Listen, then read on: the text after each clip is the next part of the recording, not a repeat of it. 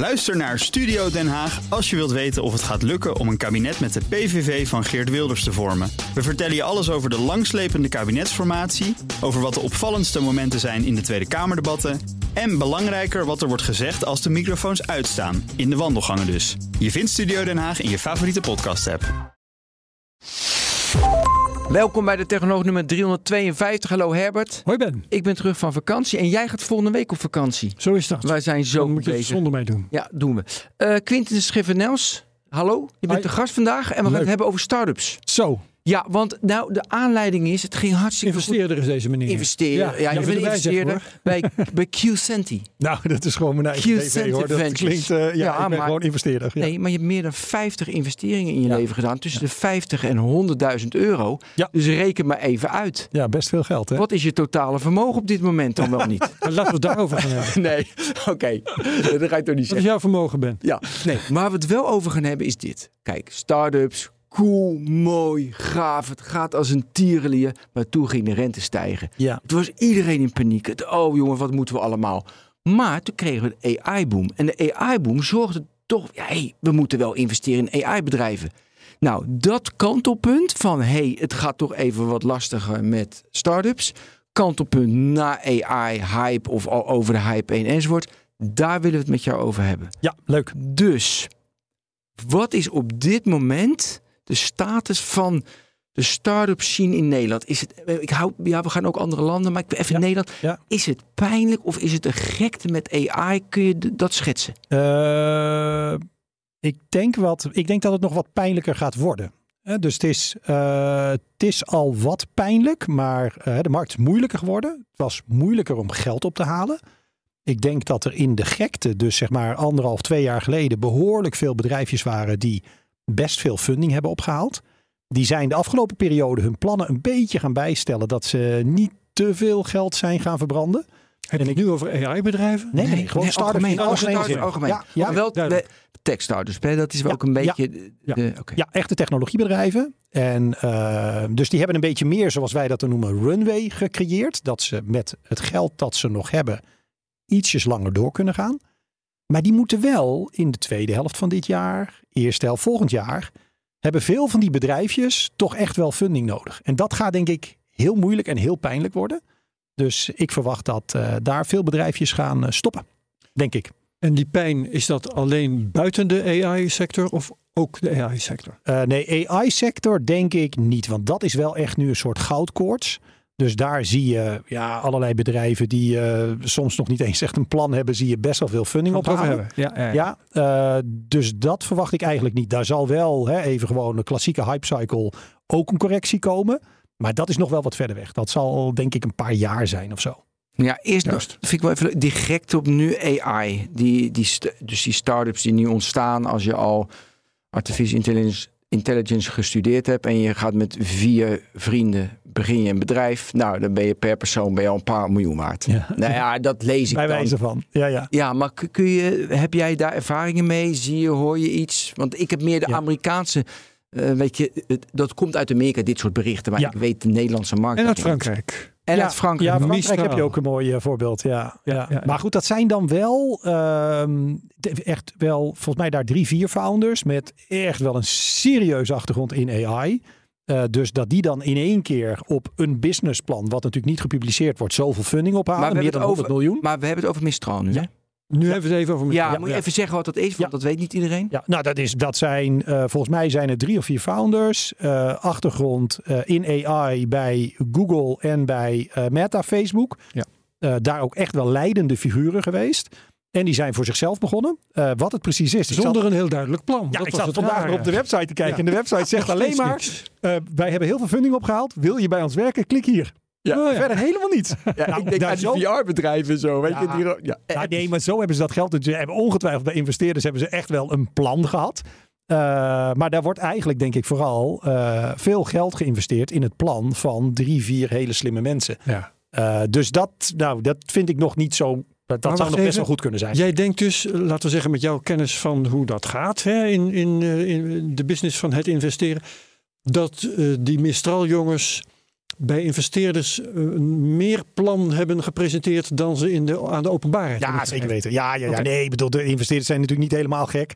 Ah, dit, dit is meer dan 100 miljoen. Dat, niemand schrijft zo'n blanco cheque uit. Dat gebeurt echt niet.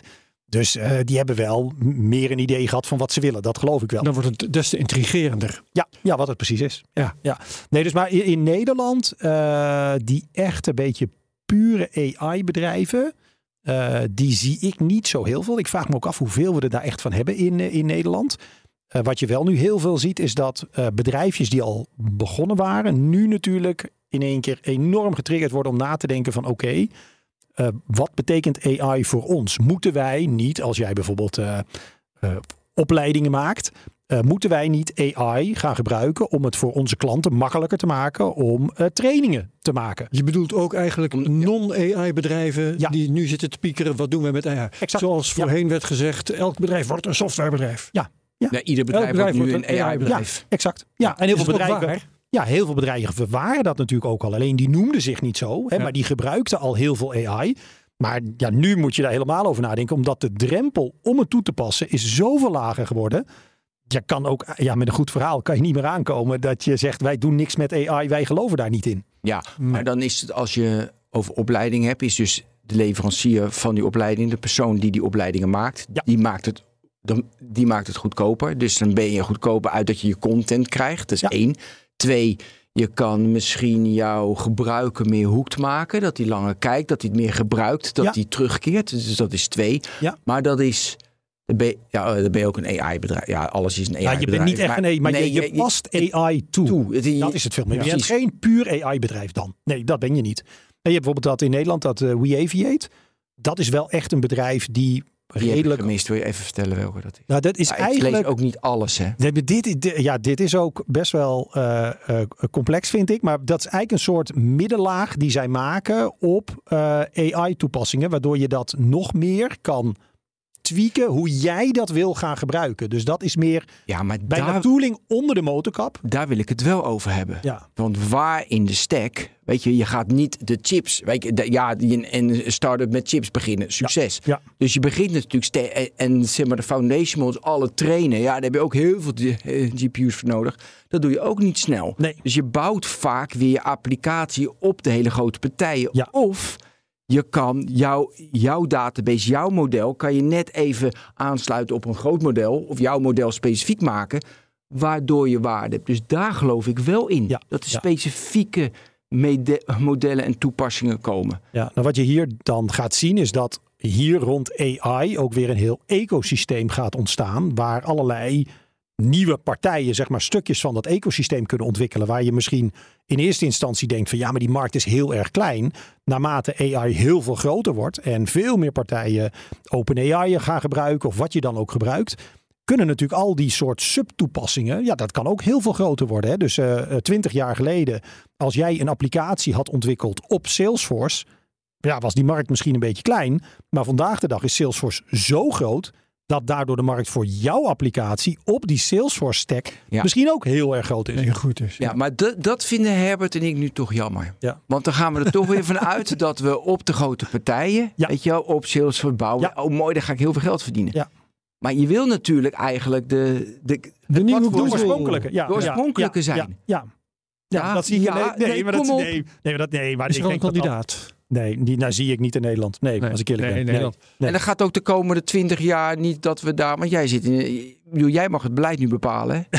dat, zie je, dat zie je ook niet gebeuren. Nou, nee, eh, nee, dat, nee, dat zie ik eerlijk gezegd niet zomaar gebeuren. Nee, nee niet, niet voor AI. Nee, ik denk dat die kaarten eigenlijk al gewoon geschud zijn. En al die grote jongens stappen daarin. Nee, dat, nee ik zou echt niet weten. Je bedoelt Misschien- dat de huidige grote jongens ook de AI-markt gaan Ja, ja, domineren? ja, ja. ja, ja, ja. Microsoft zit hartstikke dik in, eh in OpenAI. Apple is hier volop mee bezig. Eh, Alphabet, Google is hier mee bezig. Ja, ja, dat denk ik wel. En die hebben zoveel geld beschikbaar, zoveel talent. Die hebben al zoveel ervaring hiermee. Dat, ik, Ja, maar- dat zou ik niet direct Oké, eh, maar zien. nu ga ik dit toch even, even- even kijken. Dan zou je zeggen, dan heeft Meta met Facebook het ook verloren. Echter, ze maken een applicatie die iedereen gebruikte. Facebook in dit geval, helemaal in het begin. Ja, en daardoor krijgen ze toch hun eigen mode. Met Instagram, met WhatsApp kunnen ze zo bouwen. En nu bouwen ze, en nu bouwen ze eigen datacenters. En ze hebben hun, eh, ze hebben eigen, eh, ze hebben hun eigen zeg maar lama's. Dus twee. Dus daarom zeg ik, het zou best wel kunnen dat je een AI-applicatie maakt op Azure of, waar, of op Nvidia. En dat je zo goed bent dat mensen het zoveel gaan gebruiken dat je wel je eigen moot bouwt uiteindelijk. Ja. Of nee, dat zie je ook niet zitten. Nee, vind ik moeilijk. Nee, nee, nee. Ik kan me wel voorstellen hoor dat je ook hè, in Europa zittend kijkt van eh, wat zijn hier nou nog challenges voor eh, GDPR, AVG. Wat zijn misschien dingen die die grote jongens niet gaan doen? Hè? Dat ze tooling beschikbaar stellen op hele beperkte datasets waar jij zelf alleen recht hebt. En dat, dat je daar misschien dingen voor kan verzinnen. En dat, dat kan op zich ook best wel groot worden. Maar dat echte, ja, dat hele pure, net als alsof wij nog, zouden we nog iets kunnen doen in de cloud. Ja, die wedstrijd is ook Nee, gespeeld. gespeeld. Dus het is, en, en ik heb het gevoel dat dat eigenlijk ook bij die Jawel. soort basisfundering op AI voor een groot deel ook al gespeeld is. Maar eh, in cloud is, is Amazon de grootste partij geworden. Ja. Ehm, in een tijd dat eh, misschien meer voor de hand lag dat eh, Microsoft en Google dat zouden grijpen. Ja, maar die zijn ook niet echt klein in die markt. In hè? de sociale media is Facebook de grootste geworden. Ehm, terwijl het toch ook nou ja, dat in die periode had je niet je kaart gezet op Microsoft of Google, want die deden dat toen hele- helemaal niet. Nee. Die zijn dat pas gaan doen toen Facebook de grootste al was, volgens mij. Maar er waren wel allerlei partijen voor Facebook, waarvan je op dat moment gezegd zou hebben: "Nou, Facebook heeft geen kans, want er is MySpace.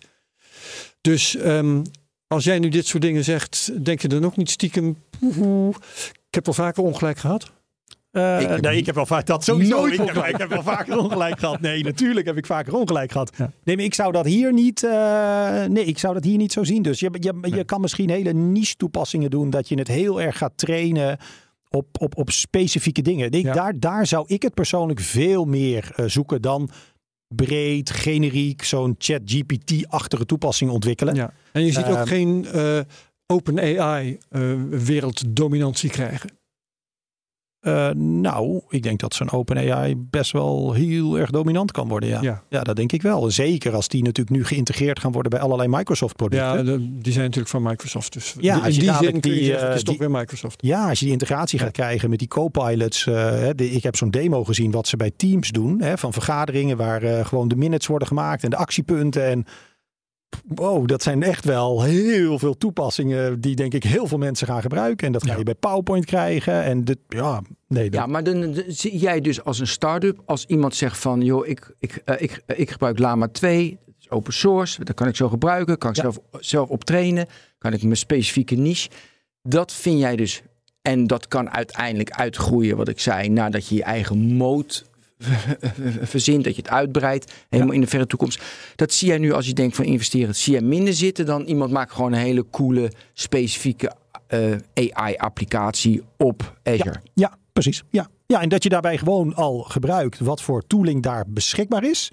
Maar dat jij die, zeg maar, AI-tooling gebruikt om specifiek voor wat ik dan noem jouw use case. Hè, dus eigenlijk waar jij jouw product voor hebt gemaakt.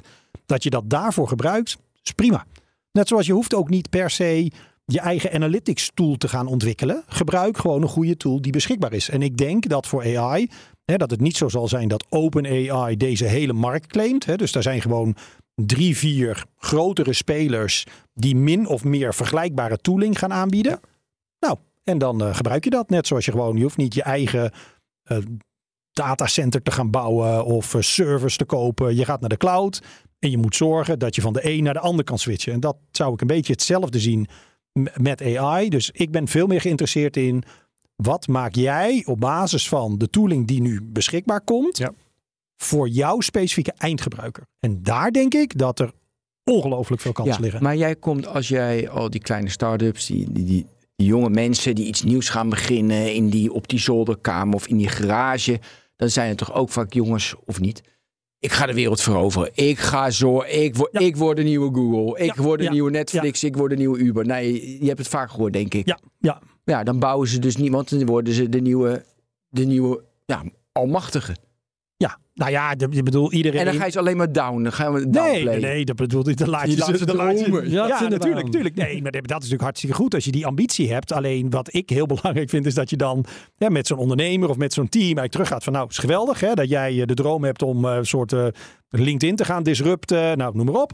En als we nou gewoon even weer uh, teruggaan, wat betekent dat dan eigenlijk voor komend jaar? He, dus ook om te kijken van, kan jij een soort uh, uh, droom die je hebt voor over 10, 15 jaar, als we dat weer klein maken naar welke stapjes zijn dan nodig komend jaar, kan je dat ook? Of heb je eigenlijk alleen maar die droom zonder een plan? Ja, daar, daar heb je niks aan. Ja, en dus denk jij, als ze halverwege spaak lopen, dan hebben ze toch nog iets bereikt. Ja, precies. Ja, ja, ja, en dat, dat weten die ondernemers natuurlijk vaak ook wel. Hè, dat als het niet lukt om uh, wereldwijd dominant te zijn, maar we zijn het in Europa, ja, staat per saldo misschien nog steeds een hele goede uitkomst. Ja.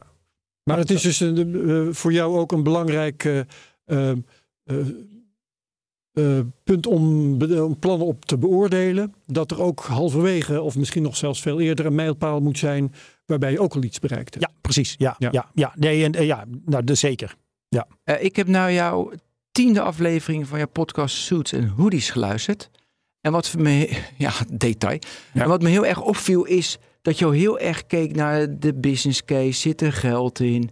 Uh, en het team natuurlijk. Nou, allemaal de vaste dingen hoef je allemaal niet te herhalen, weten mensen al lang. Maar het viel me wel op dat het hele pivoten, het van joh, ik geloof in dat team en het gaat tien keer fout en dat zal allemaal wel, ik vind het prima. Dat hoorde ik minder. Ja. Was dat omdat ik alleen naar de tiende heb geluisterd? of, maar hoe kijk je daarnaar? Ja, um, nou, natuurlijk, er zijn wel een aantal ondernemers uh, met wie ik eerder zeg maar, heb gewerkt, waar ik eerder in heb geïnvesteerd. En als die iets nieuws zouden beginnen, dat ik blind zou zeggen: prima, ik doe mee. Ik hoef je plan helemaal niet te zien, ik doe mee omdat ik gewoon weet. Dat maar, die... maar dat ging mis ook de eerste keren. Dat, natuurlijk kan dat misgaan. Ja, maar dan. dan je, je moet mensen best wel goed kennen. Dus ik krijg ook veel ondernemers. Die benaderen mij dan en die zeggen van goh, we zijn op zoek naar funding, we hebben een plan. Ik ken hun verder helemaal nog niet. dus dan ben je uh, toch wat minder carte blanche dan als het een ondernemer is die ik misschien uh, die ooit voor mij gewerkt heeft, zich bewezen heeft, die daarna een bedrijf is begonnen, dat is succesvol verkocht. Ik heb die ondernemer in die hele journey meegemaakt en die begint iets nieuws. Ja, dan heb ik natuurlijk soms het is gewoon een ongelooflijk goede persoon. Uh, ik geloof het allemaal wel. Maar Ga ik bedoel toch wat anders. Wat ik heel erg bedoel, want ik vind het een hele mooie theorie. Hij is van, uh, nu kom ik even niet op zijn naam, maar van Picnic, die mede met Picnic heeft meegedaan. Michiel, ja, Michiel is die. Dus die zegt Michiel van, wie? Hoort Muller, Michiel Muller. Oké, okay, ja. Uh, dus die heeft, ik vind dat een hele mooie theorie. Hij zegt, om bij C te komen, ja, je ziet als je op A staat, zie je C niet. Want ja, want je bent bij A, dus ja, C zie je niet. Ja. Dus je gaat, je gaat maar naar B en je weet B wordt niks. Maar ja, je gaat maar naar B. Maar je moet wel die stap zetten naar B, want dan kan je pas C zien. Ja. Ik vind, nou, en dat... Nou, dat heb ik net anders begrepen. Want ik begreep van Quinten nou net dat je wel een, een C moet zien. Of, of een B die wel wat is. Of je moet C die wel wat is al kunnen zien vanuit A. Ja, ja, maar dat heb ik toch van jou goed begrepen. Ja, ja, ja. ja, maar daarom vraag ik dit ook. Ja, exact. Ja, ja. Maar dus hoe kijk je hiernaar? Ja, nee, nou ja, dat je, dat je onderweg je plan moet aanpassen, dat gebeurt natuurlijk regelmatig. Maar het moet niet zo zijn dat jij een idee hebt over hè, behoeften van klanten aan een bepaald product en hoe een markt zich ontwikkelt. En dat je daar helemaal naast zit. Hè? Dus Um, als je heel grappig, hè? Ja, nee, maar je kan natuurlijk hè, van Amsterdam uh, kan je zeggen van oké, we moeten in de richting van het zuiden gaan, hè, want daar zitten een aantal trends die zijn beter. Dat is anders dan dat je zegt, nou laten we dan naar Stockholm gaan rijden. Dan, dan maak je een enorme omweg van B naar C. Dus ik, ik wil een bepaalde richting zien waarvan je denkt, oké, we hebben het hier over een markt die groter wordt. Uh, we hebben het over een behoefte van klanten die herkenbaar is en dat zit nu misschien op een relatief kleine groep klanten. Maar ik kan mij voorstellen dat die groep klanten alleen maar groter gaat worden. Dus ik hoef niet vast omlijnd te hebben. Dit is het product en dit is de klant. Dit is onze sales pitch. Dit is onze pricing. En dat gaat nooit meer veranderen. Maar je moet wel het gevoel hebben dat je hier, ik noem dat altijd, in een markt stapt die meer een vloedmarkt is dan een appmarkt. Dus waar hmm. de sterren goed staan. En waar je niet uh, tegen de stroom in hoeft te gaan zwemmen. Want dat is natuurlijk voor een start-up gewoon killing. Ja, maar als je nu een AI-bedrijf begint. Ja dan zit je, de golf die kan bijna niet stuk. Dus er kan het bijna niet misgaan. Nou, dat is ja, maar dat is dan dat je dat denkt. Ja, ik denk dat is een ongelooflijk uh, hoge golf. Die heel erg druk is. Met extreme verwachtingen. Want iedereen denkt uh, dit nu. Ja, dus ik zou daar... Uh, dat, ik vind dat wel een beetje casino-achtig hoor. Waarom? Ah, hier gaat natuurlijk, eh, dit is ontzettend overspannen wat daar nu gebeurt met de waarderingen en iedereen springt erop. En laten we eerlijk zijn, Hele dotcom verhaal. hè, heel veel goede investeerders in Amerika, kijk naar Andreessen Horowitz en zo, die hebben hun fiches al lang en breed op tafel gezet, drie, vier jaar geleden. Ja. Die dachten echt niet dat Mark Andreessen achter zijn laptop zat. En toen kwam ChatGPT. Toen dacht hij, nou, jeetje, dat ik dat niet heb gezien.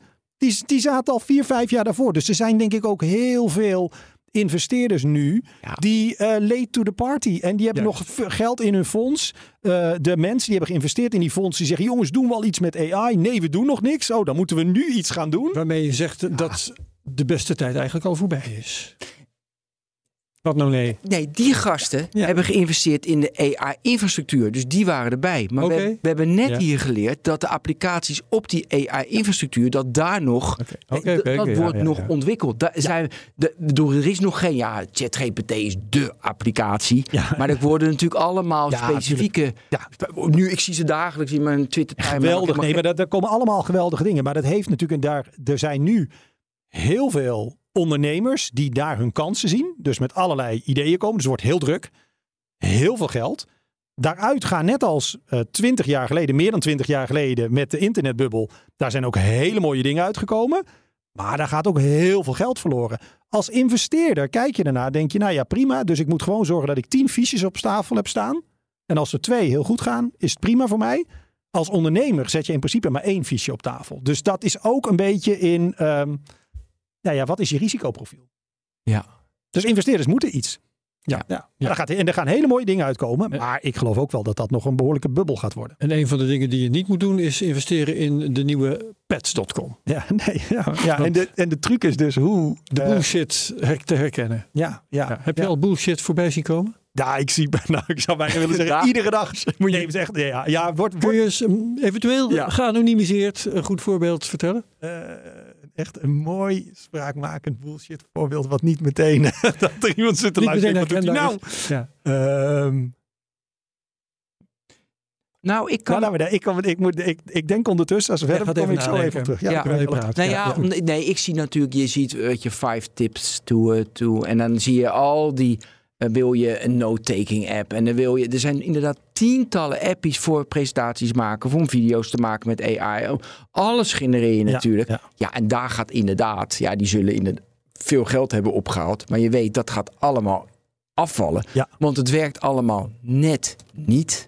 Het is allemaal net niet Nee, bruikbaar. ja, of het is, je moet dat uiteindelijk is het geen, is het meer een feature dan dat het echt een product Juist, is. Hè? Dus iemand ook anders nog. gaat dat wel integreren in een breder Oh, ja. bruikbaar product. Ja, ja, ja. Eh, wat, ik, wat ik vaak zie ook is ehm, dan het idee dat de consument eh, bereid is voor bepaalde applicaties te betalen.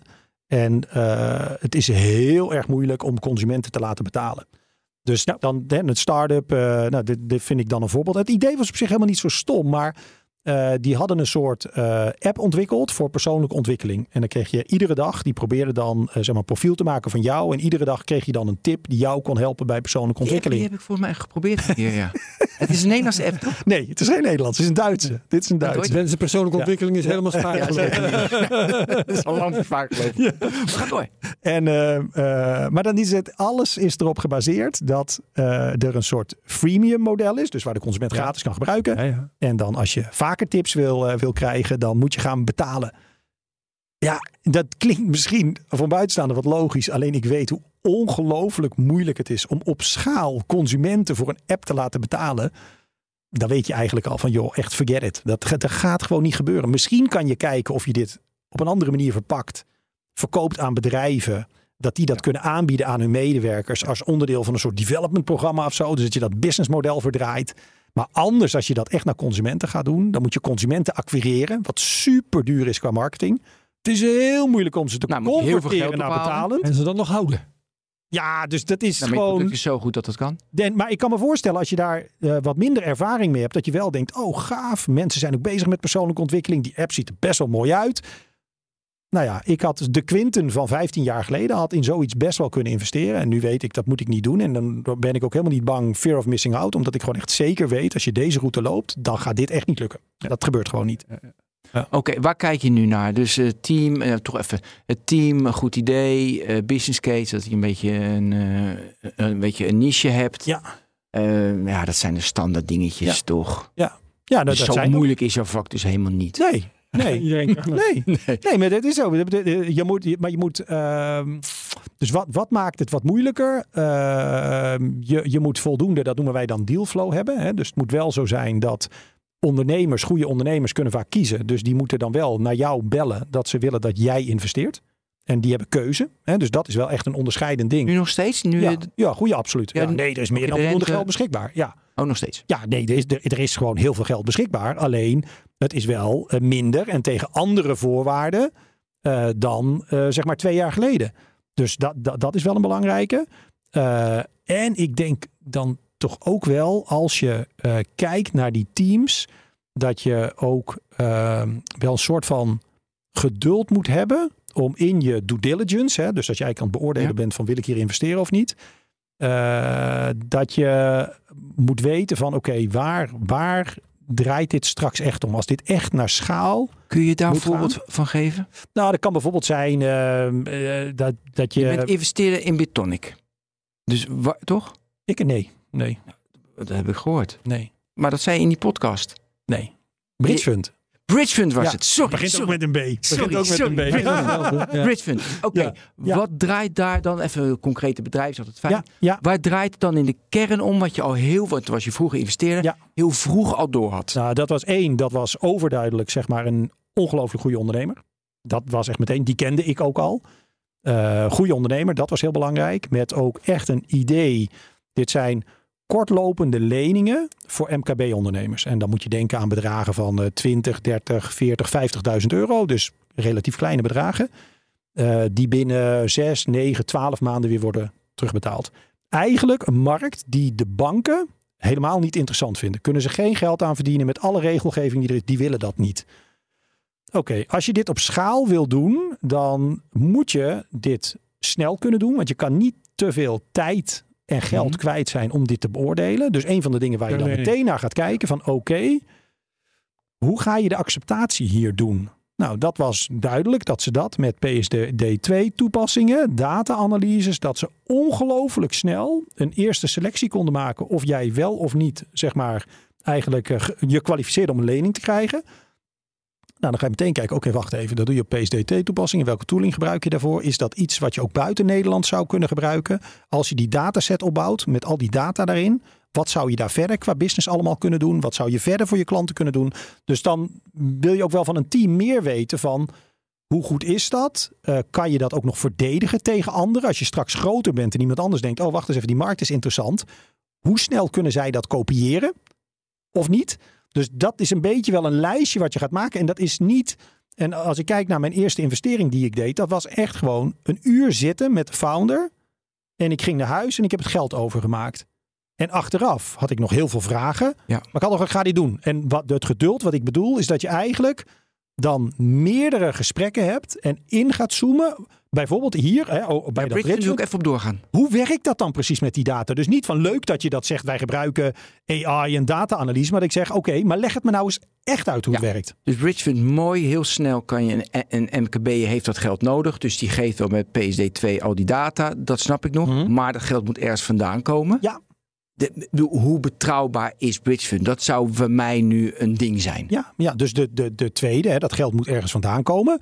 Dat is dan de vraag aan het team, waar gaan jullie dat geld vandaan halen? Dus wie stelt die lening dan beschikbaar? Nou ja, daar komt dan een verhaal. Hè. Wij willen dat niet bij de grote partijen vandaan halen. Wij willen dit, eigenlijk retail geld. Dus wij willen ondernemers die vermogen hebben, die willen wij een aantrekkelijk aanbod doen. Dat zij hun geld beschikbaar stellen aan andere ondernemers. Crowdfunding onder Ja, ondernemers. marktplaatsachtig. Oké, dat vond ik wel uniek en interessant. Maar hoe ga je dat dan eigenlijk doen? En zeker de eerste die je moet overtuigen. Vertrouwen, precies het vertrouwen van die ondernemers. track record. Eh, hoe ga je dat in hemelsnaam doen? Nou, dan ga je een inschatting maken. Denk ik dat dit team, als er nog heel weinig vertrouwen is, dat zij de eerste funders kunnen overtuigen om toch mee Ja. te doen of niet. En kan je nu iets vertellen over dat hele seed serie A, B, C, D? Ja, Eh, dat zijn vaste bedragen vaak. ja, zit- ja ranges. Ja, dat zijn Ja, ranges. ja. Kun je daar iets... Ja, ik heb het gelezen, maar het, Ja, ik vind ja, het leuk nee, als je nee, het even vertelt. ja dus je. eh, Gewoon standaard. Je er zijn nu vier jongens eh, en meisjes trouwens. ja, ook. Die beginnen nu Ja. een AI-bedrijf. En die hebben een idee. Ja. Ze halen niet gelijk 100 miljoen op, want ze komen niet van Google. Nee, nee. Maar ze hebben wel van, we gaan specifiek de huizenmarkt gaan we disrupten, jouw oude Ja, vak. leuk idee. Dat is Ja. heel makkelijk om te doen kan je van trouwens. alles doen trouwens. Want die markt, jongen. Maar dit terzijde. Eh kun je even van hoeveel funding in, in Seed Serie A en hoe dat dan gaat? Ja, dus je hebt eigenlijk de. ik het allereerst is vaak eh, pre-seed, noemen ze dat. Dus dat is Dat is meestal. ja 50 tot 250.000 euro. Ja, ja, ja, maar ik, ben, ik doe eigenlijk, dat, dat is meer dat een clubje een totale investering ophaalt van ergens tussen de in Nederland eh 50 en 200.000 euro. Dus dat zeg maar pre-seed. Daar wil ik even bij blijven. Ja. Wat gaan ze dan? Dat is voor, want dan kunnen ze nog, nog geen GPU's kopen. Dat gaan ze ook niet doen, want ze Nee. bouwen gewoon op die. Dan is het meer het markttesten. eh weet je, lukt het? Heb je valideren van je idee? Ja, ja, Daar gebruik je dat ja voor. misschien eh één eh, één developer in dienst nemen, zoiets. Is ja. dat een, eh, wat is de waardering? Is het een achter, achtergestelde lening als de eerste omzet komt dan? Dus Ja, kan. Ja, dus je hebt eigenlijk dan twee. De meest voorkomende smaken is één dat je eh, eh, direct aandelen krijgt voor die investering. Gebeurt dat echt al? Ja, ja, ja. moet je me gelijk al waarderen. En dat is best wel lastig. Ja, dat is heel arbitrair. en maar wat goed. doe je dan? Nee, nou ja, het hangt er een beetje vanaf. Maar ja, dat is het vaak. Dus dan heb je meestal, eh, kijk je van, nou ja, als iemand er twee ton ophaalt, dat is nog niet zoveel. Ja, wat is de waardering dan? Eh 800.000 tot een miljoen of zo. Beetje die orde van grootte zit je vaak. Ja, dat is gewoon heel moeilijk inschatten. Ja. Eh, of het is inderdaad een converteerbare lening. Ja. Eh, En dan, nou ja, dan wordt het misschien een beetje te technisch, maar dan heb je daar een cap in en een discount. En dan is het meer een, een lening die eh, later, als er een grotere financieringsronde wordt opgehaald, dat die dan converteert naar aandelen met een aantal voorwaarden die aantrekkelijk zijn voor de investeerder, die natuurlijk veel meer risico heeft genomen. Ja. Ja. Ja. En dan schrijf je op naar seed. Seed is meestal 250.000 tot een miljoen. Dat is eigenlijk de categorie waar ik investeer. Dus echt de seed investments. Ja. Daar zie je dus ook niet echt de VC's. Dat zijn vaak de particulieren, angels. Eh, soms in een collectiefje die dat dan eh, samen doen.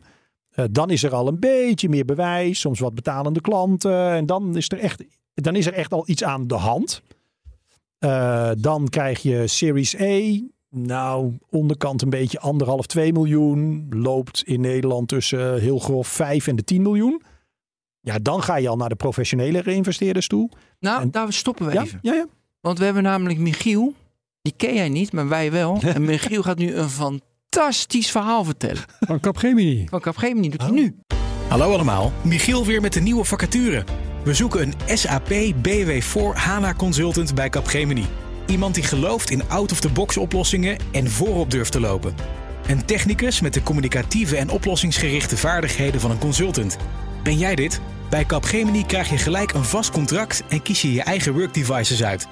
Met een ruim aantal vakantiedagen houd je de werk-privé goed in balans. Check voor alle voorwaarden en voor meer informatie de link in de show notes of kijk op werkenbijkapgemini.nl/slash data.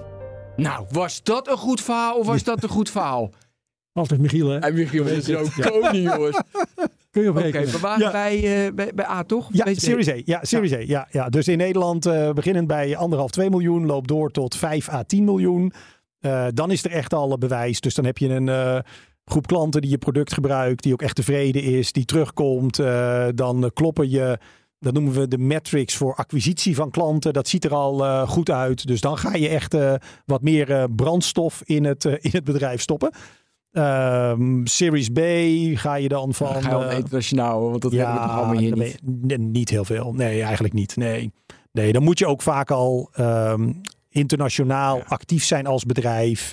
Ehm meeste Nederlandse VC's doen meer Series A. Als ze er erg in geloven, doen ze in de Series B nog wel mee.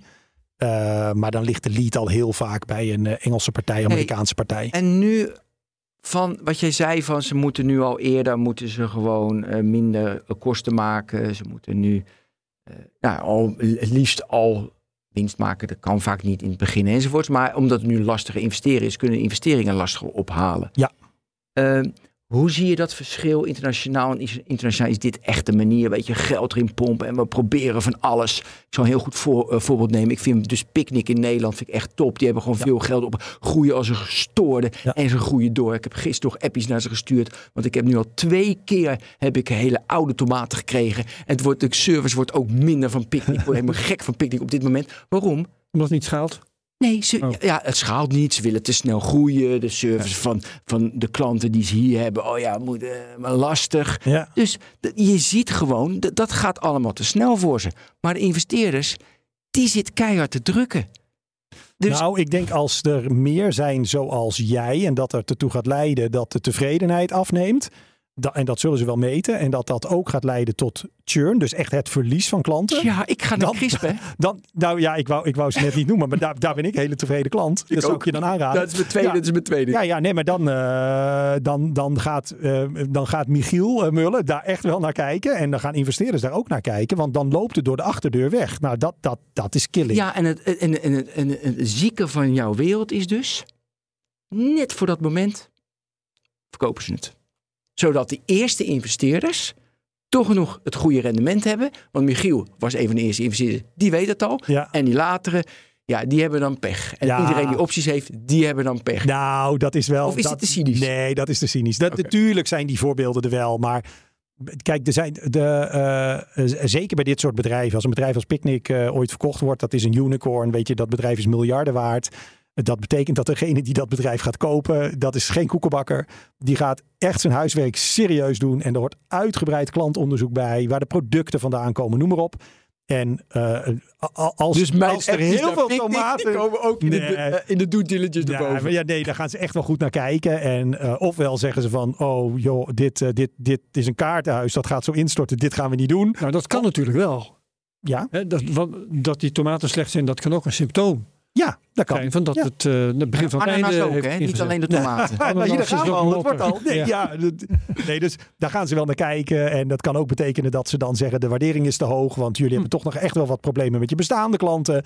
Maar het is niet zo dat je zomaar een strik eromheen kan doen en dat wegschuift en de volgende blijft zitten. En daarna is het eh, eh, zeg maar één groot drama. Dat, eh, nee, dat, dat, de meeste ondernemers willen dat ook helemaal niet. Die zijn helemaal niet bezig met eh, een soort moment kiezen. Nu moeten we het verkopen. Nou zitten we precies op het kantelpunt dat Ben nog net niet heeft opgezegd. Dus laten we nu gauw verkopen. Dat is ook niet te timen. Maar dan maak je je zo afhankelijk van een verkoopmoment. Nou, maar in de verkoopmomenten optimaliseren ze toch wel het bedrijf. Ja, maar de, de meeste investeerders de- prikken daar wel doorheen, joh. Ja. Dat is echt dit. Ik vind dat is vaak. Het is heel moeilijk om dat soort professionele investeerders echt om de tuin te leiden, hoor. Dat, Nee, het gaat niet om de tuinleider. Het gaat je bedrijf, eh, weet je, dat je nou, optimaliseert. Ja, nee, maar je kan best, het kan best zo zijn dat je een bedrijf hebt. Hè, bij, nou ja, bij, eh, Picnic kan een voorbeeld zijn, maar er zijn, zijn er nog wel meer. Waar je eh, continu aan het investeren bent in groei. Waardoor het bedrijf verlieslatend is, omdat je continu een nieuwe markt aan het openen bent. En Picnic misschien in de regio Amsterdam hartstikke winstgevend is. Maar alle winst die ze hier maken, investeren ze in Brussel of Ja. Düsseldorf of waar dan ook. Frankrijk zit ze nu ook. Nou, en op het moment dat jij dan zegt van oké jongens, nu is het moment daar gekomen om een andere aandeelhouder te gaan zoeken. Een strategische investeerder, maakt niet uit wat het is. Dan is het heel belangrijk bij de verkoop dat we ook aantonen dat we daadwerkelijk winstgevend kunnen zijn. Ja. Dus dat betekent dat we nu de investeringen wat gaan terugschroeven. En dat we over de hele linie willen laten zien dat we ook daadwerkelijk winst kunnen maken. Ja, natuurlijk, dat Ja. gebeurt wel. Ja, want wat jij, wat jij doet eigenlijk, Ben, dat is de, mindset van een VC projecteren op de ondernemer. Eh, de, de ondernemer die is niet de hele tijd, oh ja, sommigen misschien wel hoor, maar niet, niet de hele tijd op de loer voor een exit. Nee, de meeste Dat is meer voor de VC. Ja, nee, de ondernemer heeft vaak veel meer die droom van ik wil eh, de grootste zijn in dit of ik wil de beste service verlenen voor dat. En Laten dat is zien vaak dat veel idee- meer de drijfveer eh, voor Ja, die ja, ondernemer. Hey, we zitten heel erg, we moeten een start-up slash scale-up klimaat in Nederland hebben. Eh, nou, de laatste jaren met Adyen, met Elastic, met Booking al ouder. Ja. eh, nu Picnic. Weet je, dat vind ik, ja, ik vind ook een voorbeeld van wow, weet je, ook gaaf. Dat Remote.com, recenter hè? Ja, dus, Ja. Eh, wat hebben wij? En we hebben natuurlijk die Invest NL en we hebben de Tech Leap Startup. Ja, al, ja. al die. Helpt dat nu? Is dat eh, alleen maar poppenkast? Hoe kijk je naar dat ecosysteem in Nederland? Eh, het is sowieso wel echt een stuk sterker geworden. Hè? Want als je het lijstje maakt wat er de afgelopen vijf jaar, vijf à tien jaar allemaal in Nederland is opgestart. Hè? Dat zit ook een Molly en een Messagebird. Oh ja, hebben het dan nog niet eens over gehad. hè. Dus Nee. het is echt wel een serieuze lijst aan het worden. Dus dat, dat vind ik wel heel, heel gaaf om te zien.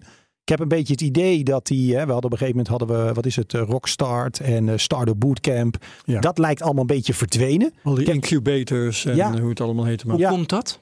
Ja, ik denk dat die.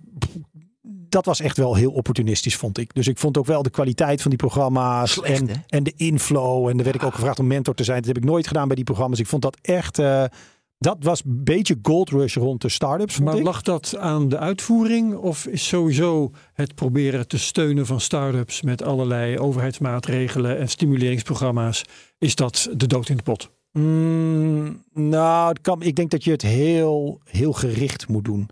Eh, dit waren eigenlijk hele generieke programma's. Ja, Eh, hè, ik denk bijvoorbeeld. eh, Ze hadden toch gewoon fintech, ze hadden social media, ze hadden allerlei ze verschillende... waren blij als ze de klasjes vol kregen en zo. Dus dan gaat de lat al wat maar hoe lager. gericht moet dat dan? Blijkbaar niet per eh, categorie of zo, moet Nee. het per, per start-up? Nee, ik denk bijvoorbeeld wat ik zelf, ik vind TechLeap vind ik echt wel goed. Hè. Die Ja. hebben dan een aantal communities, hè, de Bolt community, de Rise community. En wat ze daar heel proactief doen, is de founders van bedrijven die dan hè, in een bepaalde fase zitten qua omvang, dynamiek, noem maar op.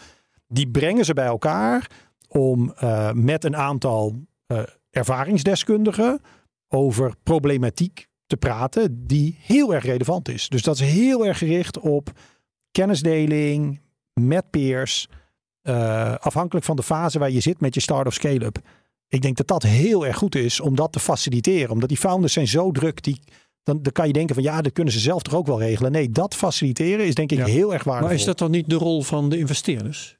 Die, die doen dat ook wel, maar die investeerders hebben toch een, een, een sample size die natuurlijk wat kleiner is. Hè. TechLeap kan dat belangeloos doen voor alle scale-ups in een bepaalde fase in Nederland. En als je dan gaat kijken, de grotere investeerders in Nederland, eh Incaf, Endite, noem maar op. ja, die hebben uiteindelijk een mandje van eh, maximaal 20 Nederlandse bedrijven, misschien 30. Allemaal verschillende fases. Dan mis je er ook nog heel veel. Ja. Dus nee, ik vind dat, dat, dat vind ik wel een voorbeeld van wat echt wel goed is om te doen. Ja, Dus even plaatsen, dus de Rockstart initiatieven, de, de Startup Bootcamp initiatieven, dat was het opportunisme op die hype dat het, Vind dat ik wel. het geld gratis was en goedkoop en we kunnen alles maar doen. Ja. Nou, dat is nu natuurlijk lastig, dus de, de, dat valt af. Dus dat is niet, maar de TechLeap-achtige initiatieven, maar dat is eigenlijk maar één, dus alleen Ja. TechLeap. Ja.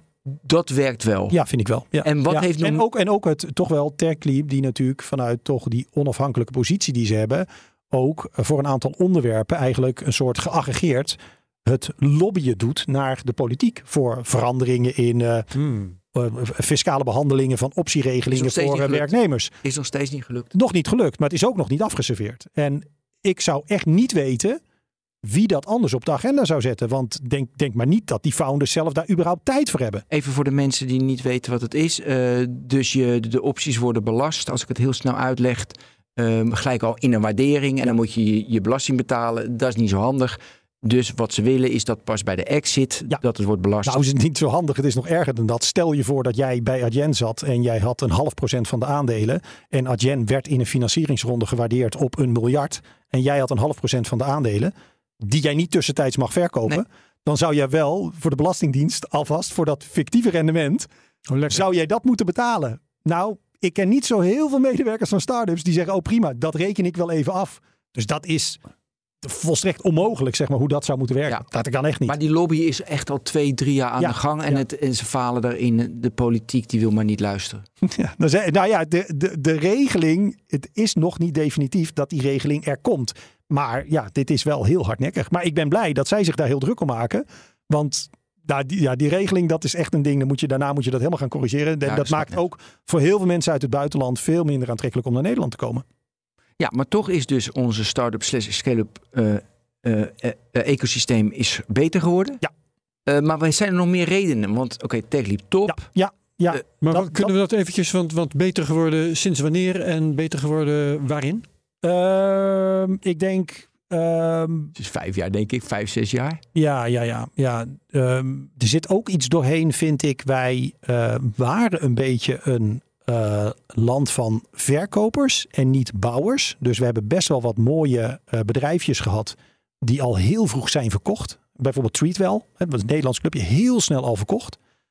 Ehm, en wat je nu meer ziet is dat eh, founders in Nederland langer door blijven bouwen zelf. Aha. En zelf overnames doen. En ik, ik zou je niet precies kunnen vertellen waar dat nou in zit. Of dat een soort nieuwe generatie met een andere mentaliteit, andere ambitie.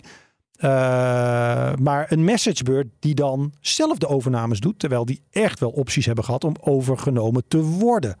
Molly precies hetzelfde verhaal en ik denk dat dat voor zo'n remote.com ook wel geldt. Uh, maar dat er toch echt voor wordt gekozen door de founders, waarschijnlijk samen met de investeerders, om door te bouwen. Dus daar zit, vind ik, meer uh, ambitie in.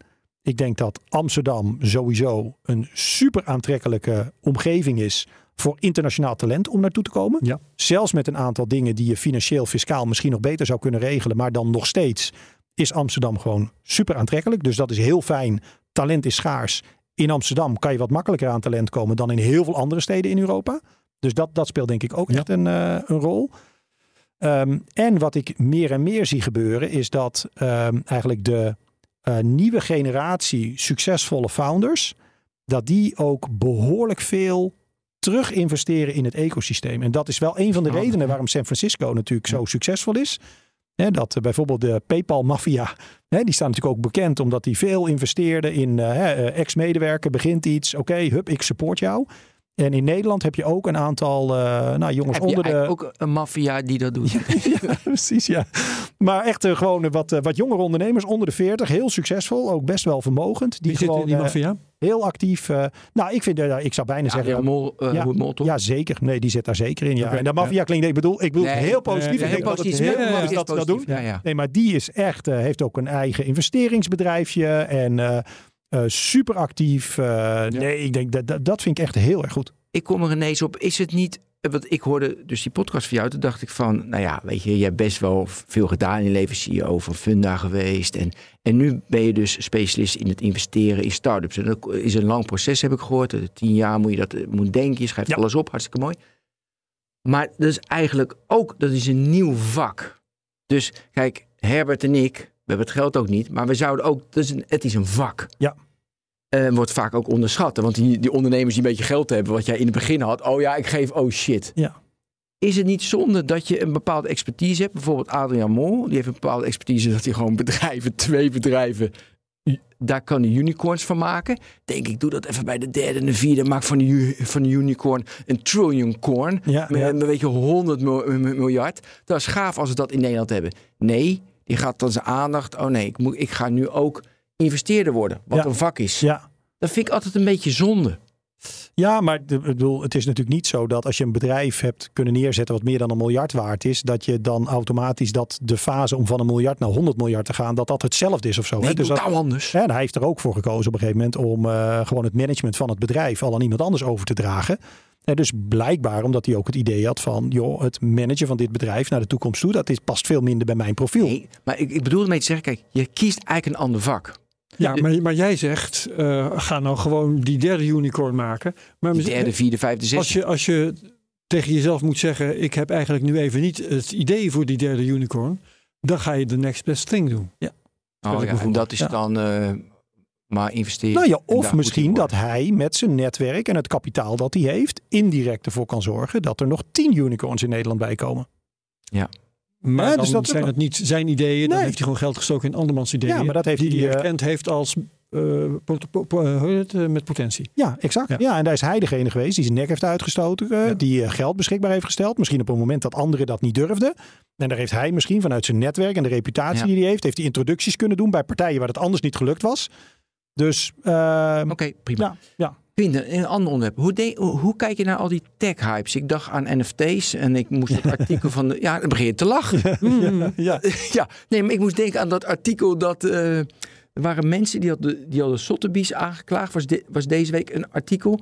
Omdat ze de, Board Apes hadden ze, had Sotheby verkocht. Die zeiden ja, nee, dat mag Sotheby niet doen. Hadden ze Sotheby aangeklaagd. Ja. Want dat was een betrouwbare veilinghuis. Ja, ja. Ja, dan gaan ze, en dan gaan ze de Board Ape Club gaan ze plaatjes verkopen. Ja. Nou, dat vind ik grappig. Ja, dat is Wij heel grappig. allemaal? Ja, ik vind het hele concept van die Board Ape Yacht Club trouwens echt gewoon heel erg grappig. Ja, super grappig. Ja, maar goed, grappig. dat zijn, we hadden die hype wel of niet nodig. Eh, Daar gaan mensen in investeren. Maakt dat niet uit. Joh, we gaan van hype naar hype. Je verliest wat geld. Ja. Hoe kijk je daarnaar? Ja, je, je moet een beetje proberen te herkennen van wat zijn echt de fundamentele dingen die hier spelen, wat echt groot kan worden. En dat geldt voor, uh, voor AI, dat geldt ook voor NFT's, blockchain, uh, crypto. Uh, ik, ik, heb zelf een aantal jaren heb ik een augmented reality bedrijf mogen managen als CEO. Was ook een beetje vroeg. Oh ja, je was Leer heb ja, je gedaan. Zeker, zeker. Ja, ja, ja, dus ik ben wel een beetje bekend met zeg maar hypes en zo. Ja. Um, ja, de, nee, dat is echt een beetje, vind ik, uh, uh, de internetbubbel en uh, pets.com. dat zal de Board Ape Yacht Club achteraf ook zijn. Zoiets, weet je, een, ja, een hele ja, grappige ja. showcase. zoals Leer ooit voor AR een hele grappige showcase was, maar, maar niet echt de use case die blijft. wat ik wel echt een groot verschil vind, is um, eind jaren negentig werkte ik bij Randstad en ik had een hartstikke leuke baan en een mooie carrière en goede naam daar. En ik wist zeker, ik ga iets met het internet doen. Want dat is zo baanbrekend. En ik had later uh, met de eerste iPhone precies hetzelfde gevoel van... oké, dit is echt game changing voor heel veel dingen. En dat vind ik AI ook. En dat vind ik NFT's en zo vind ik dat niet. Dus ik denk dat AI Had je dat met is... de Oculus Rift? Met... Toen je hem op had, de nee, Oculus Rift voor het eerst, nee, had je het niet? Nee, had ik het niet. Nee, met AR, VR heb ik dat nooit gehad. Uh, dus ik zie daar wel toepassingen, maar wat... Um, wat je zeg maar bij internet zag is dit gaat gewoon iedereen gaat dit gebruiken. Met mobiel wist je iedereen gaat dit gebruiken. Met AI weet je dit gaat in alle websites gaat dit gewoon straks zitten. In alle apps. Dit is gewoon dit is gewoon straks uh, zoals een auto een rem heeft. Zo Ubiquitous. Ja, dat, ja. dat, dat voel je gewoon. Uh, dus dat, dat vind ik dan, dat soort trends kan je dan uh, veel makkelijker eigenlijk op inzetten. Daar moet je ook echt iets mee gaan doen. Um, ja, en ik vind ja, die NFT's, dat ja. Ja, dat is oh. Maar goed, het is wel nodig om toch om over de reuring van A naar B naar C. En we moesten er even ja. doorheen. Ja, we ja. moeten er even doorheen. Ja, ja. Hey, over het Nederlands klimaat, weet je, de TNO maakt dan rapporten. We hadden net over de appies te opbouwen, maar we moeten aan de fundamenten. En de adviesrapporten naar de overheid is heel erg, we moeten veel meer in deep tech moeten we investeren. Ja. Niet die applicatietjes erop, deep tech, ja. photonics, quantum, ook AI trouwens. Dat Ja. noemen ze allemaal deep tech. Maar dan moet je eigenlijk met AI moet je inderdaad in de fundamentals, moet je in de AI architecture, dan moet je inderdaad in de chips. Nou ja, oké, we hebben gelukkig ASML. veel meer. We hebben gelukkig ASML. Ja. Oké. Ehm, is dat eh, is- is dat verstandig beleid? Want je zei net van nee, investeren moet je op de, want dat is al gesetteld. En ik heb het nu wel over oh, 2030, 2040. hè? Ja, ja, Want ja, dat, ja. dat zijn die Ja. rapporten. Ja. Hoe kijk je naar dat soort investeringen? Want dan, dat- ben, want dan ben jij al oud natuurlijk. Ja, ja, nou dat zijn ook investeringen die ik niet doe, omdat ik eh, dat veel minder goed snap. Dus ehm, eh, ik probeer mijn investeringen ook wel te doen in zeg maar categorie bedrijven. Eh, waar ik zelf, eh, ofwel als investeerder of als CEO, redelijk wat ervaring mee heb. Dus ook wel een beetje kan inschatten van oké, kan dit werken, gaat dit niet werken? En als je het gaat hebben over deep tech, ja, ik weet daar zo weinig van af. Ik vind dat zo moeilijk. Dus ik zou een soort standaard vraag hebben om te stellen. Hè, van welk recht hebben wij dan? Welke assets hebben wij in Nederland? Dat wij überhaupt zeg maar, de ambitie zouden kunnen hebben om daar een serieuze rol te spelen. Leidend in te zijn. Ja. En als iemand daar met een antwoord komt, nou, we hebben wel degelijk recht van spreken. Want kijk eens, we hebben ASML en een ecosysteem en dit en het en het en het. En heel veel andere landen hebben dat niet. Nou, dan zou ik zeggen, geweldig. Gas erop en eh, heel veel funding daar naartoe. Eh, maar daar, daar zit ik te weinig in, in Ja, die dus- materie. Dat vind ik heel lastig. Ja, dus je zit je meer in de consumer of ook wel B2B. Software, veel meer in de software. Software, veel B2B ook SaaS, marktplaatsen, Ja, als iemand eh, bijvoorbeeld te zeggen dat is te ver weg. Als iemand voor de, de software voor een quantumcomputer eh en daar een breakthrough in maakt, daar heb je te weinig verstand van. Ja. Dus dan denk je van, ik laat het even. Ja. En het is denk ik te ver weg. Ja. Hoewel je wel heel veel funding kan krijgen enzovoorts. Ja, ja, nee, maar daar zou ik hooguit, weet je, als eh, mensen die er wel verstand eh, van hebben, mij vragen van, joh, wil je ook mee investeren? Want je zou wellicht een beetje met dat en dat kunnen helpen. En ik denk, nou, die mensen snappen het heel goed. En als die hun geld erin steken, dan wil ik wel een beetje meedoen. Ja. Dan zou ik, maar ik zou daar zelf hè, die due diligence doen, echt een goede inschatting maken van hoe kansrijk is dit bedrijf nou precies? Dat zou ik simpelweg niet kunnen. Nee, dus ook, ook zo'n voorstel, ik kan dat niet, eh dat kan ik niet Heel beoordelen. verstandig. Ja, maar het is voor onze samenleving natuurlijk, denk ik wel, voor de toekomst essentieel. Ik vind het een hele verstandige zet dat we echt in, in deep tech moeten gaan investeren. Ja. En dan ga je natuurlijk ook vier keer mis, want quantum hebben we misschien niet over tien jaar. Hebben we nu al natuurlijk quantum co- computers, maar dat het grotere schaal gebruikt kan worden. Misschien pas over 20, 30, 40 jaar, dat het op veel grotere schaal Maar daar, dat is natuurlijk ook wel een richting die, die wat vrij obvious is. Ja. Of. Ja. Of AI, zoals de... Ja, en dat kan ook als, die, als dat eh, ehm, zeg maar zo'n eh, als dat de horizon zo ver weg is. Als dat betekent dat je dan als overheid daar misschien ook een bijdrage aan moet leveren. Omdat dat voor investeerders die horizon te ver Ja. weg is. En dat dat toch in het belang van de BV Nederland is dat je dat doet. Ja, dan is het natuurlijk supergoed dat de overheid zich juist daarop richt. Hè. De overheid hoeft bij heel veel goede SaaS-bedrijven, marktplaatsen, hoeft de overheid echt niet bij te springen. Daar is meer dan voldoende geld beschikbaar in de markt. De overheid moet echt kijken naar waar zien wij voor Nederland als economie, als maatschappij grote kansen liggen. En waar dat voor investeerders vanwege horizon of misschien andere redenen gewoon eigenlijk te risicovol is dat ze het niet gaan doen. Ja, dan, dan kan je dat als Ja. overheid doen. Ja, dus echt strategische Ja, denk ik wel. keuzes. Ja, zeker. Ja, Ja. ja. Kun je iets vertellen over de gekte? Je was een keer in BNR Digitaal, denk ik een half jaar geleden. Toen, ik ben dat nooit vergeten, echt een topverhaal. dat, de, dat de developers in Amsterdam zoveel betaald krijgen... dat daardoor de markt eigenlijk kapot wordt gemaakt. ja, ja. Is dat, de, oh ja, even het bedrag. Je zei 250.000 euro voor een developer die vier man aanstuurt. En jij zei dat slaat helemaal Nee, nergens op. Ja. En in Amerika is dat natuurlijk een heel normaal bedrag voor een developer tussen de 2,50 en 4 ton is ja, standaard. Maar Ja. hoe maakt dat dan de markt kapot? Want Ja. ehm, dat is dan toch gewoon de markt? Ja, ja, ja. Nou, dat, dat is gewoon de markt. Dat klopt. Alleen eh, er zijn natuurlijk maar een beperkt aantal bedrijven die überhaupt dat soort salarissen kunnen betalen. En dat is eh, bijvoorbeeld eh, hier in Amsterdam zijn dat dan de Amerikaanse bedrijven die hier hun tech hub gaan bouwen. Omdat dat hier eh, voor hun goedkoper is, ondanks die salarissen. Ja, BBSO-regeling. Eh, ja, dat, dat, is best wel aantrekkelijk om dat hier te doen. En wat dat kapot maakt, hè, dat is natuurlijk goed voor de werkgelegenheid en de economie en de huizenprijzen en nou, noem maar op. Eh, maar voor heel veel Nederlandse start-ups, eh, zeker early stage, waar ik natuurlijk veel mee bezig ben, ja, daarmee Kunnen dan alleen concurreren. maar de tweede garnituur krijgen. Of helemaal niemand misschien zelfs. Precies, ja, Ja. ja. Dus dat maakt het, zeg maar, de, eh, het is bijna een soort eh, Paris Saint-Germain, Manchester City die de markt opkomen en alle Ja. talent bij Ajax gewoon in één keer wegkopen. Dus dan moet je gaan scouten in verre landen. ja, Dat precies. gebeurt dan waarschijnlijk ook. ja, ja, mensen ja. opleiden. En zo, weet je, dus, dus zelf opleiden. Ja. Maar het blijft inderdaad. Je maakt dat soort dingen, dat initiat- initiatieven dus kapot. Ja, ja nee, maar je maakt het in ieder geval daar een stuk eh, lastiger voor. En ik gun die mensen van harte die salarissen, daar gaat het helemaal niet om. Maar het is wel eh, eh, gewoon bizar als je dat ziet, hoe dan dat soort salarissen gewoon eh, omhoog gaan. Maar ja, Ja. dat, de, de, de lof van de vrije markt wordt nog altijd gezongen. Ja. Eh, wat er dan zou moeten gebeuren, wat je dan zou verwachten, is dat er opleidingen uit de grond springen.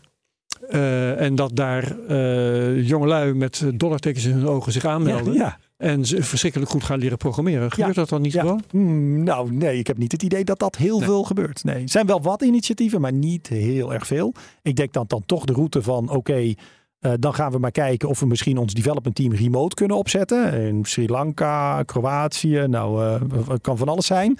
Omdat het dan nog relatief goedkoop is. Dus dat dat, dat dan gebeurt. Ja. Ehm, nee, we, we moeten natuurlijk alles... Ethics by design is tegenwoordig heel belangrijk. Hè? Mhm. En eh, diversity by design. Ja, ja. En ook privacy en security by design. ja, ja. En, en neem je, is, ik, bedoel, ik maak nu een beetje een flauw grapje over, Ja. maar neem je dat mee als jij naar teams kijkt? Dus de, eh naar teams kijkt diversity by Ja. design. ja. Kijk je daarnaar? Kijk je bij ethics als, een, als je een AI-bedrijf hebt? Hey, of is dat echt nog steeds ondergeschikt? Nee, nee, nee, nee, nee, daar kijk ik wel naar. Dus ik zou. Kun je voorbeelden geven hoe je daarnaar hebt gekeken? Nou, ik zou bijvoorbeeld, eh, als ik eh, twee, drie jaar geleden de kans had gehad om eh, in een aantal gokbedrijven te investeren, dan had ik dat niet gedaan. Ondanks dat misschien de business case daarbij heel erg goed is, maar dat zou ik Ja. gewoon echt niet, dat zou ik echt niet willen.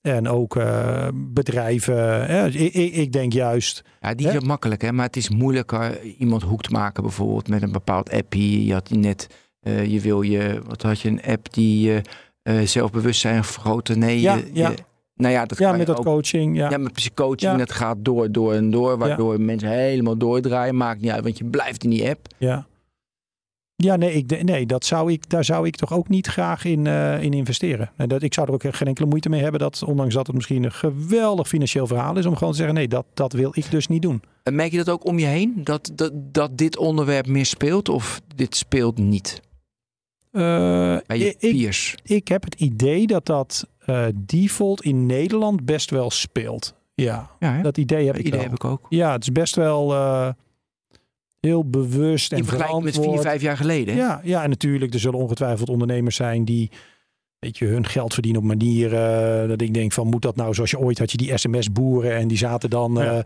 wat was het, die zaten in Dubai en je kon je niet afmelden en Nee, ja, daar vrij- hebben een aantal mensen heel veel geld aan verdiend, maar natuurlijk die uitzondering zal je hebben, maar eh, nee, als ik kijk naar gewoon een beetje het netwerk waarin ik zit, dan is dat, nee, daar gaan mensen niet enthousiast van worden om daarin te investeren. Kun jij nog altijd genoeg goede kandidaten vinden voor je investeringen? Eh, nee, is best wel moeilijk.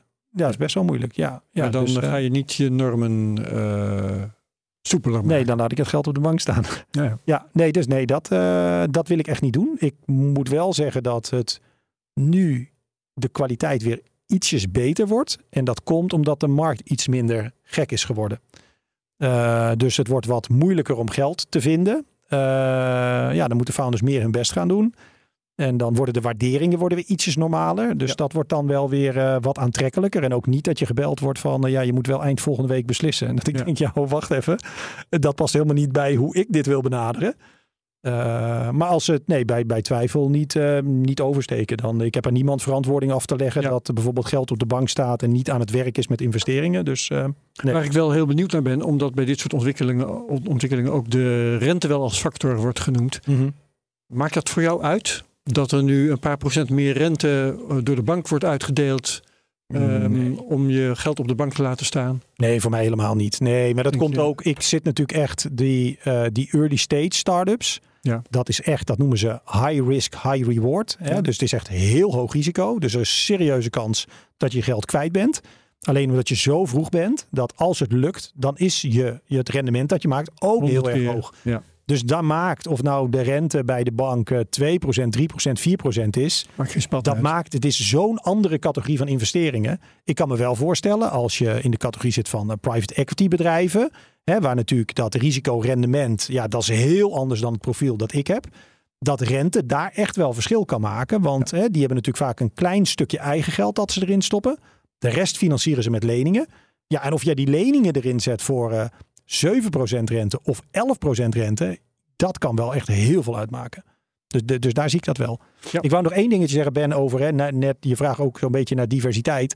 Wat ik wel eh, eh, jammer vind, is dat als ik kijk naar de teams die in ieder geval mij weten te vinden, het is Alleen maar bijna man. allemaal man. Ja, helemaal gek van. Allemaal helemaal blank, ben ik zelf ook. Weet je, is verder Ja. helemaal niks mis mee. Maar dat vind ik echt. Ik had toevallig gisteren een gesprekje met eh, twee vrouwelijke ondernemers die funding zoeken. Dus dat is ook, er zijn er niet drie met een man erbij, maar gewoon twee vrouwen. En daar word ik dan bijna een soort van blij van. Eindelijk, hadden ook een hartstikke goed verhaal. Ja. En ik zou daar, zou ik zelf in wat mij benadert, wel meer diversiteit eh, willen zien. Wellicht dat het wat aan mij ligt, maar ik heb toch het idee dat dat ook in algemene zin nog Ja, ik heb ondervertegenwoordigd het is. al ook gezien. En lukt het je in zo'n geval dan, eindelijk twee vrouwen. Ja. Eh, lukt het je dan in zo'n geval om net zo streng te zijn als je anders bent? Eh, ja, dat wel. Jammer. Ja, ja, nee, Dat mogen we wel. Ja, nee, ja, ik ben totaal niet streng. ja, nee, nee, daar heb ik dan op zich geen, eh, geen probleem mee. Nee, dat moet, want ja, uiteindelijk is het natuurlijk wel een soort eh, zakelijke beslissing. Of, Ja. of ik dat wel of niet doe. Ja. Dus dat, dat laat ik dan verder uiteindelijk niet, eh, niet meewegen. Maar ik ben blij dat überhaupt zeg maar dan de optie gewoon op tafel Natuurlijk. Ja. Ja, ja, ja. Tot slot wil ik graag vragen, de, de, zeg maar, de laatste tien jaar, een grafiekje even in mijn hoofd nu. eh, neemt de, zeg maar, het aantal start-ups, dat neemt volgens mij iets toe de laatste... Nee, toen was het veel, want had je net had je al die appies. Dus Ja. dat blijft een beetje vlak, denk ik. Ja, zou ik wel Ja? denken. Succesvol denk ik iets meer. Relatief succesvol. Of ook niet. Of ook hetzelfde. Het, eh, We hebben, we hebben zeg maar unicorns die we vroeger niet hadden. Ja, eh, tien jaar geleden. ik denk wel dat in, inderdaad dat het wat... Ik wil een eh, beeld hebben van, ja. van de trend. Ja, dus nee, ik denk inderdaad dat het aantal misschien niet zo gek veel meer is. Eh, dat er wel wat meer succesvol zijn. Dat geloof ik ook wel. Eh, dat zit aan de bovenkant natuurlijk met we hebben meer unicorns. Maar ik denk Ja. ook als je de laag daaronder gaat kijken, dat daar ook meer succes zit. Nog steeds is natuurlijk hè, de meeste start-ups falen uiteindelijk. Nee, tuurlijk. Maar ik denk dat het, eh, de, het percentage wat het, wat het redt, wat ook een enigszins succesvol bedrijf wordt. Ik heb wel het idee dat dat, dat dat echt wel groter is. En misschien is dat ook gewoon dat dat hele ecosysteem volwassener wordt, de kwaliteit beter wordt, er meer ondersteuning is voor de ondernemers, de kwaliteit van de ondernemers toeneemt, investeerders beter worden. Dus ja, dat denk ik wel. Ik denk dat je wel gelijk hebt. Ja, Er worden boeken over geschreven. ja, Suits en hoodies. ja, Mooi hè? ja precies. Eh, hebben we nog iets? Nee, ik ben klaar. Mooi.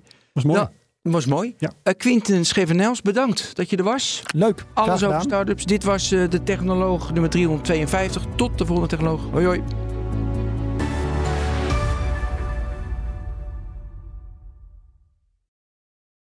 Ook Harm Edens vind je in de BNR-app. Je kunt BNR Duurzaam niet alleen live luisteren in de app, maar ook terugluisteren als podcast, zoals al onze podcasts.